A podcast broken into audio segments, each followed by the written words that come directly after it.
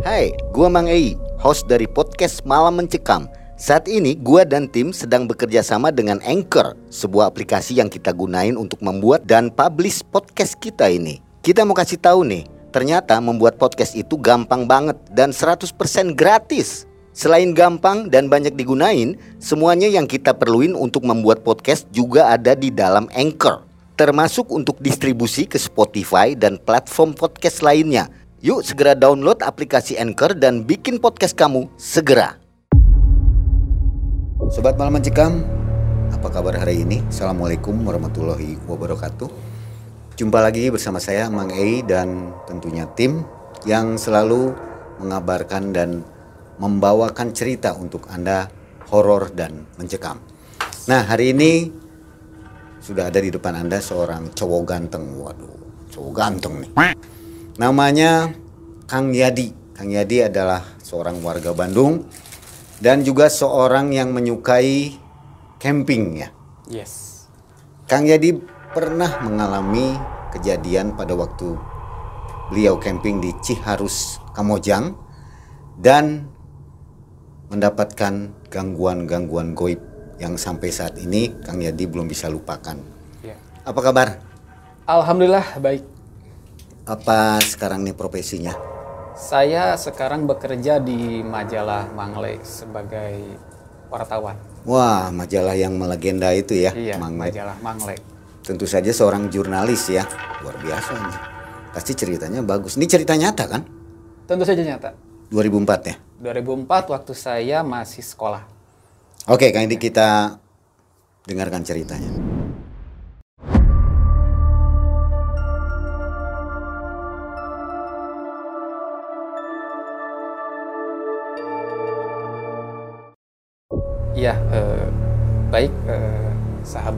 Malam mencekam. Semoga semua dalam keadaan sehat dan dilancarkan rezekinya. Amin, amin. Pada kesempatan ini saya ingin bercerita tentang apa yang saya alami pada tahun 2004 ketika saya masih sekolah SMA. Waktu itu saya sedang libur semester di sekolah. Jadi ada banyak waktu luang. Kami merencanakan berangkat hari Jumat. Dan direncanakan kami berlima. Saya, Dahlan, Sani, Edo dan Rian. Yang empat ini nama samaran yang demi melindungi mereka gitu. Sebelum saya belanja untuk ke- keperluan besoknya, Dahlan itu isi dulu bahan bakar di SPBU. Nah, ketika saya mengantri, itu ada mobil pick up putih yang masuk.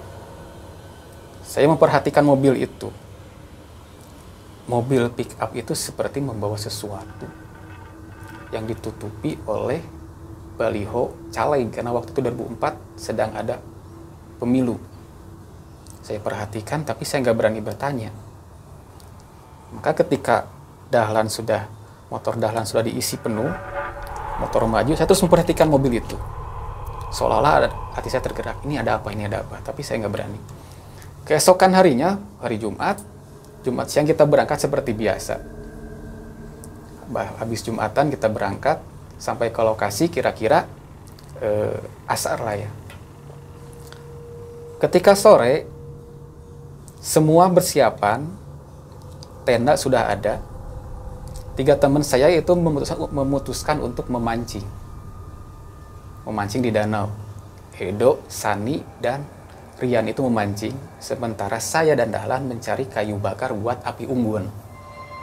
Sambil berencana kita mau bakar ikan di Danau Ciharus. Gitu. Nah, kita berjelajah karena eh, suasana sore juga cerah. Kita ngambil kayu bakar, masing-masing dari kami mengambil kayu bakar juga. Ketika malam, di tenda itu cuma ada dua tenda. Tenda kami berlima sama tenda yang rombongan Ciparai.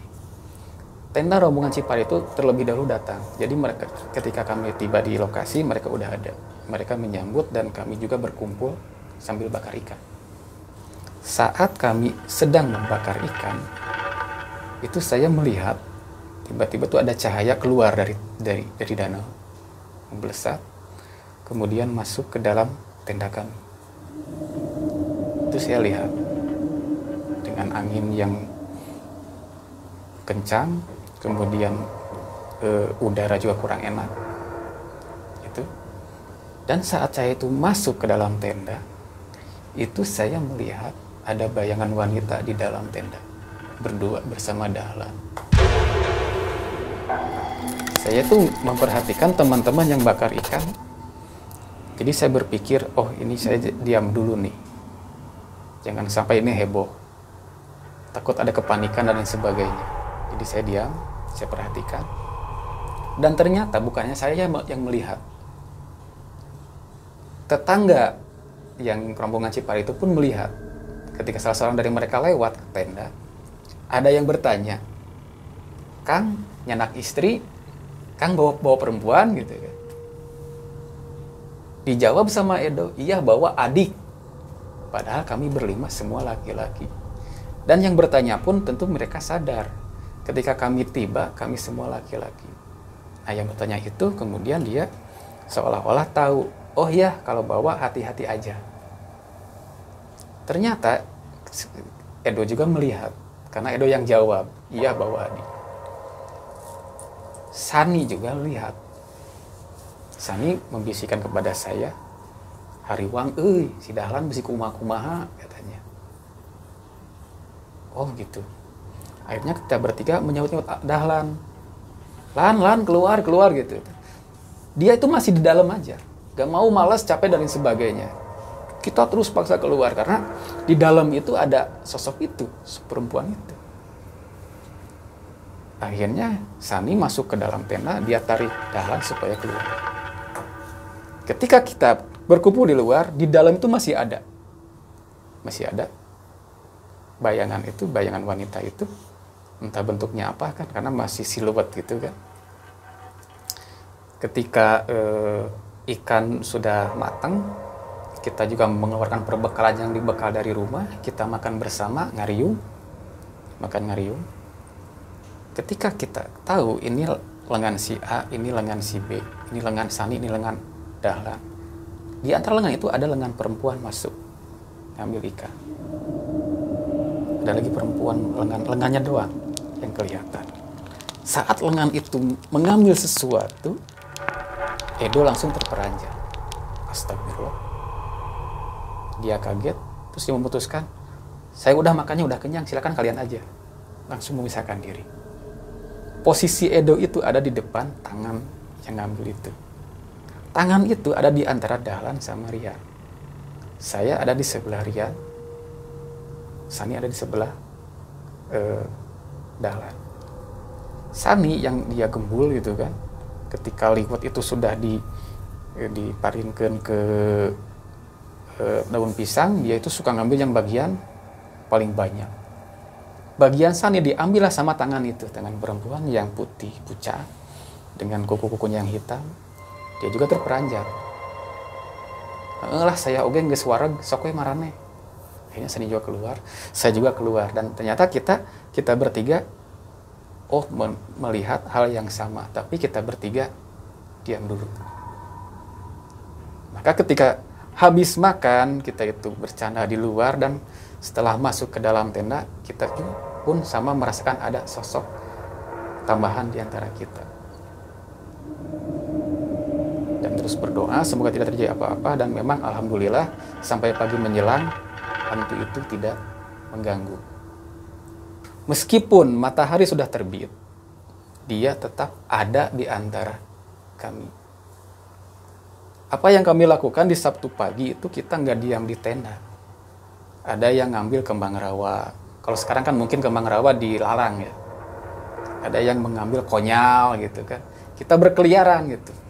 Paling satu orang yang menjaga tenda. Kebetulan saya dengan Dahlan, kita nyari konyal. Di Ciharus itu masih banyak konyal, entah sekarang masih ada.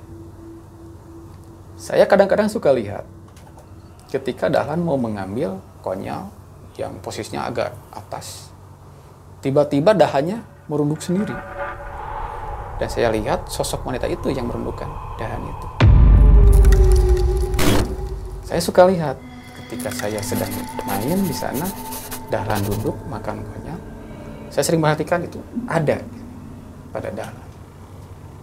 Dan itu terus terus memunculkan sosok yang e, busananya kayak kita, kayak kayak orang-orang camping. Ketika saya e, melihat sesuatu yang lain dia nggak ada, saya lihat, tengok lagi dia ada, kayak gitu. Malam minggunya kebetulan di Danau Ceres itu e, lumayan ramai, ada tiga tenda lagi yang datang. Dan ketiganya itu mereka welcome, mengajak kami untuk berkumpul karena salah satu tenda itu dari Bekasi dia bawa e, daging yang banyak kita barbecue di sana di tenda itu. Tapi setiap kali saya lihat tenda itu selalu ada baik dua bayangan, bayangan dahlan dan bayangan perempuan. Tapi kami Edo dan Sani mengatakan ini nggak mengganggu, cuma mengikuti dan menampakkan diri. Kenlah antep daka dia teh erek, erek happy happy gitu kan, jangan sampai berantakan. Akhirnya kita malam minggunya kita happy happy dan saya juga tidak tidak tidur di tenda itu di tenda orang lain. Nah kejadiannya ketika kita pulang pulang ke Majalaya ke rumah masing-masing hari Senin kami berkumpul di rumah Dahlan untuk menukar barang-barang. Saat membuka ransel yang bagian logistik itu kita tidak menemukan masalah. Ada sisa makanan di sana, kemudian minyak, e, garam dan bahan lain-lainnya. Barulah ketika membuka ransel punya yang dibawa oleh Dahlan, ada satu barang yang menurut saya itu cukup mengejutkan tapi Dahlan seolah-olah itu adalah aksesoris. Ketika dia mengambil barang itu dan memperlihatkan, ini punya siapa? Dia itu memperlihatkan jari. Sebuah jari. Dan saya kaget. Ayah curug ya. Usaha gitu kan. Alan menyangka, Dahlan menyangka itu aksesoris gantungan kunci tapi saya mengira itu adalah jari tangan manusia. Dan beruntungnya Sani, dia bisa meng mengendalikan keadaan. Dia bilang, oh itu punya saya. Dia ambil, dia bungkus. Setelah dia masukkan ke dalam kantong, kami berkumpul di teras rumah Alan, kita berbicara. Dalam setiap beberapa saat, itu kami merasakan udara yang berbeda, udara malam yang berbeda. Dan saat ada angin yang menghampiri kami beserta derak dedaunan, itu selalu muncul sosok perempuan. Pertama berbentuk bayangan hitam, kemudian terus tampil dalam wujud dia. Seperti yang saya lihat ketika camping. menatap ke arah saya, ke arah kami, dengan pandangan matanya yang tajam, sorot matanya yang tajam, bola matanya yang merah, dengan rautnya yang pucat. Hanya beberapa detik menghilang lagi. Setiap itu kami kaget. Astagfirullah. Satu kejadian aneh ketika Dahlan masuk ke rumahnya untuk mengambil makan saya dan Sani berbicara. Kau yakin itu punyamu? Jari manis itu punyamu. Bukan. Ini milik seseorang, kita harus mengembalikan. Kata Sani itu. Siapa? Saat saya mengatakan siapa, itu ada angin berhembus ketika Dan bulu kuduk saya langsung merinding. Sosok itu duduk di sebelah saya. Duduk sebelah saya gitu. Saya juga gak berani menatapnya. Ini siapa gitu kan. Sampai ke saya saya mengatakan Sani tuker tuker tuker kursi. Gak mau di sini kayak gitu. Tapi ketika Alan datang gitu kan saya lihat lagi sosok itu udah nggak ada ketika kami memutuskan untuk ya udah kita harus istirahat Sani pun besok harus kerja dan beruntungnya saya ketika saya ke rumah sosok itu tidak tidak ikut ke rumah. Hanya setiap kali Dahlan mengajak saya main, dia bawa motor, sosok itu selalu ada dan seolah-olah mengatakan dengan tatapannya yang seakan-akan bukan memusuhi ya, tapi seperti memelas gitu. Makanya ketika saya setiap kali mau naik motor itu saya selalu bilang kok kita bertiga. Tapi dalam dengan polos kita cuma berdua. Yang ketiga siapa? Begitu. Nah, saya tuh menaruh curiga, oh jangan-jangan hantu ini menyukai dalam. Dan kecurigaan saya itu semakin menjadi ketika kami berdua, saya dan Dahlan itu mengunjungi teman kami. Dia perempuan. Motor itu tiga kali mogok. Gak ngerti lagi gitu. Ini kenapa motor tiga kali mogok gitu kan. Cuma setiap kali mogok itu memang selalu terasa berat, seolah-olah bannya itu kempes, kemudian motor mati. Nah, saya selalu mengontak-kontak itu kepada Sani, mengabarkan hal-hal lain ke Sani, apa yang saya alami tentang sosok itu, dia yang selalu mengerti Dahlan. Dan Sani pun memutuskan, ayo kita kembali lagi ke Ciharus. Mungkin kita menemukan sesuatu di sana. Edo sama Rian gak bisa ikut karena kerja. Dan rencana berangkat bertiga pun batal karena Alan Dahlan mendadak sakit. Kata ibunya dia mengigau, mengigau semalaman, terus seperti mengobrol, kemudian dia juga sempat minta tolong, teriak-teriak dan lain sebagainya. Itu sudah sudah curiga saya itu, oh jangan-jangan gangguannya udah pada level seperti itu, bukan lagi menampakkan tapi udah e, menghantui, udah udah masuk ke psikologis dia gitu. Akhirnya yang berangkat itu saya dan e, Sani. Saat itu sebelum kami masuk ke wilayah hutan, kami duduk dulu di sebuah warung dan kebetulan di sana ada juga yang eh, bapak-bapak yang pengambil kayu yang nangkring di sana. Dari si bapak-bapak itu kita mencoba mencari info.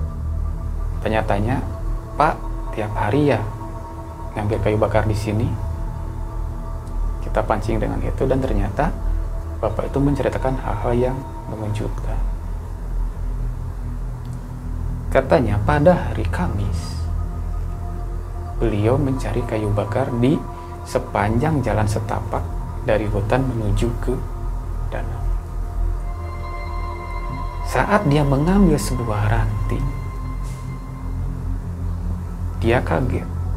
Ada jari di sana. Oh, itu ada kaget, ada jari. Sampai saking takutnya si ranting yang udah dia pegang, dia lepasin lagi. Dia buru-buru e, memanggul lagi rantingnya dan buru-buru pergi. Itu diceritakan sama ke saya, ke Sani. Nah, Sani itu udah hampir mengeluarkan karena dia juga bawa bawa jari itu yang kami.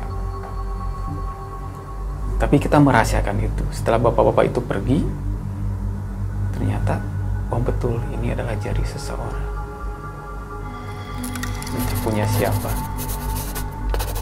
Yang mendengar percakapan kami itu ibu-ibu waru. Ibu-ibu waru itu cerita bahwa memang ada sebuah peristiwa di mana itu cukup menggemparkan. Pertama dari berita ada orang hilang sejak seminggu. Yang katanya orang itu pergi ke Danau Ciharus. Banyak yang mencari, akhirnya ketemu seorang perempuan yang sudah meninggal udah cukup lama ketemunya hari kapan kata saya hari Kamis. Oh begitu ya. Namun kami masih bingung. Jari ini harus punya siapa dan harus dikemanakan? Kalau toh memang ini punya eh, dari sosok yang menghilang itu tidak ada tanda-tanda untuk melacak jejaknya. Maka saya berpikir ini harus mengambil jalan spiritual kata saya, tapi saya nggak bisa. Saya bukan ahlinya.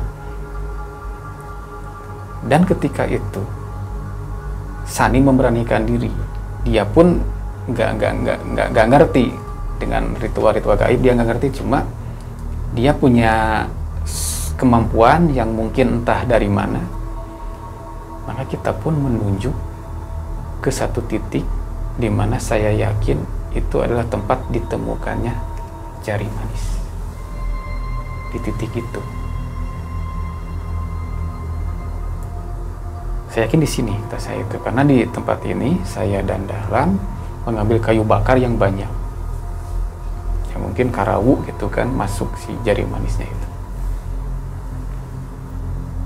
Nah ketika jari manis jari manis itu di dikeluarkan oleh Sani udara udah udah berubah. Angin udah udah udah kencang kemudian banyak suara-suara burung gitu kan. Ada yang ke kita gitu kan. Ketika ada angin berembus ke belakang saya dan Sani menengok dan sosok itu muncul. Begitu. Berdiri di hadapan dengan wajah yang pucat banyak sekali bekas-bekas luka di sini banyak. Ada yang berdarah bercucuran di sini. Dia munculkan hanya beberapa detik.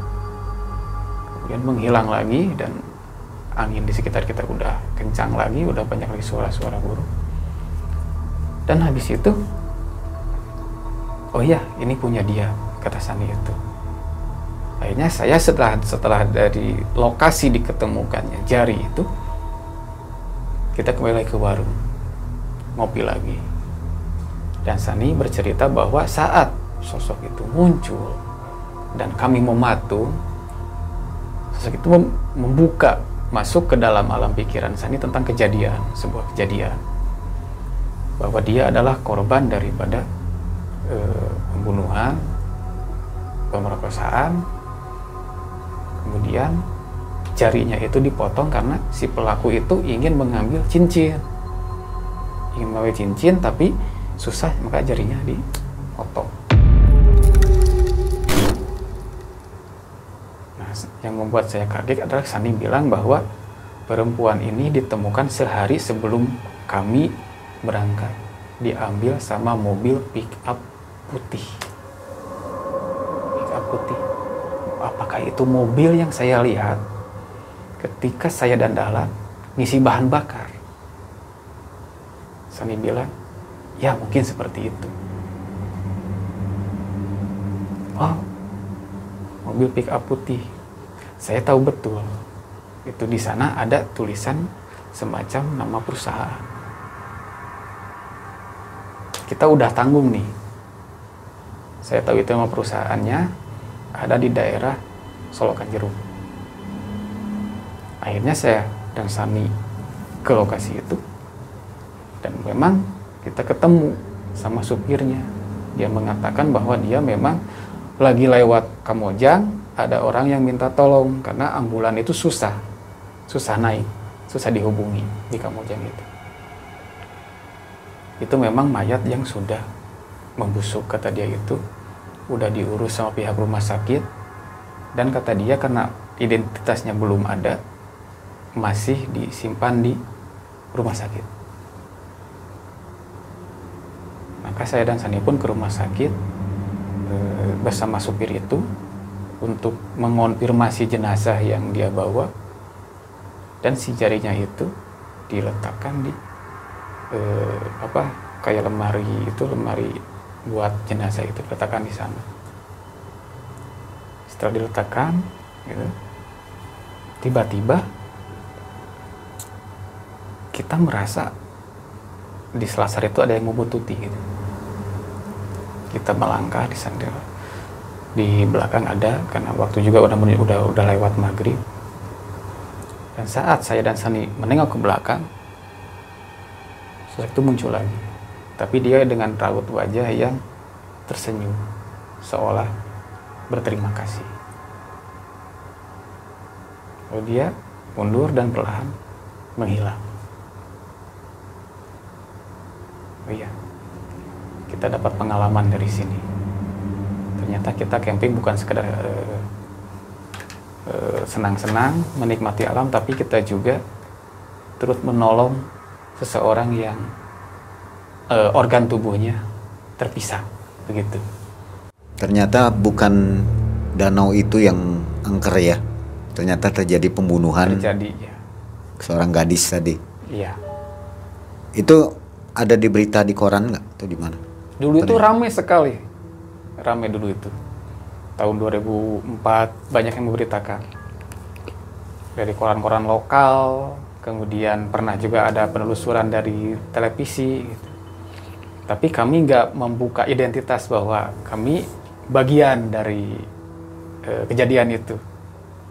Maksudnya bukan bagian dari pembunuhan ya, tapi dari uh, yang menemukan organ tubuh dan berakhir seperti itu. Sempat diwawancarai oleh wartawan atau kepolisian gitu? Enggak.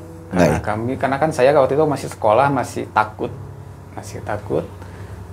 Jadi silent aja gitu waktu itu dan memang dari penelusuran polisi juga udah ketemu pelakunya dan mereka itu sama aja yang camping camping eh, laki-laki perempuan rombongan dan laki-laki itu punya niat jahat saat dia camping dengan perempuan itu. Udah udah ketangkap. Jadi campingnya ada ada ada modus gitu. Sengaja camping bawa perempuan itu untuk memang melampiaskan hal tersebut. Mungkin perempuannya berontak atau gimana. Jadi akhirnya si laki-laki itu pun membunuh. Itu dari yang saya saya baca dari dari koran waktu itu tahun 2004 itu. Tapi memang saya tidak tidak menceritakan hal tersebut baru sekarang di sini. Mungkin Kang Jadi punya dokumentasinya? Oh enggak. Enggak ada atau potongan clipping kertas enggak, enggak ada, korannya? Karena memang eh, saya kan baca korannya juga kan di majalah itu ada eh, agen agen koran. Saya tuh suka nggak nggak pernah beli, udah baca taruh aja udah pulang aja. Oh gitu ya. Sempet ketemu keluarganya atau apa? Enggak. Enggak. Enggak. Hanya enggak, sampai di situ aja. Sampai ya? di situ tapi setelah kejadian itu memang eh, nggak e, membutuhti lagi. Nggak menampakkan diri lagi dan Dahlan juga udah segar lagi setelah sempat sakit mengigau kayak orang kesurupan gitu badannya panas udah biasa lagi. Tapi itu menjadi saat terakhir saya camping di Ciharus. Sampai sekarang belum lagi. Danau Ciharus ini sampai sekarang masih jadi tempat camping Uh, sekarang sih mbak jadi masih masih cuma daya ras, rasa alamnya udah mulai berkurang karena banyak motor trail yang masuk ke danau itu. Kemudian juga ada dari uh, aktivis lingkungan yang mengatakan bahwa itu cagar alam. Katanya cagar alam nggak boleh di pakai tempat camping. Cerita yang sangat mencekam yang dialami oleh Kang Yadit. Semoga menjadi pelajaran untuk kita agar lebih berhati-hati dalam melakukan camping atau yeah. naik gunung apa saja lah ya. Yeah. Jadi jangan sembarangan bawa temen gitu ya. Yeah. Harus tahu dulu identitas mereka. Ini salah satu yang menjadi uh, pelaku melakukan pembunuhan itu ya, karena tidak mengenal uh, korban mungkin gitu ya. Ya, dari berita yang saya baca, yang saya, masih saya ingat, mereka memang berteman, berteman kemudian. Uh, konon merencanakan camping. Tapi cuma berdua campingnya antara laki-laki dan perempuan itu gitu. Oh itu. Ya mungkin laki-lakinya uh, sudah terbawa apa gitu hingga melakukan hal-hal yang mengerikan. Godaan syaiton iya. Baik sobat. Begitu cerita dari Kang Yadi. Terima kasih atas kedatangannya dan bercerita di malam mencekam. Ya sama-sama. Akhirnya kami undur diri Wabillahi taufiq wal hidayah. Assalamualaikum warahmatullahi wabarakatuh.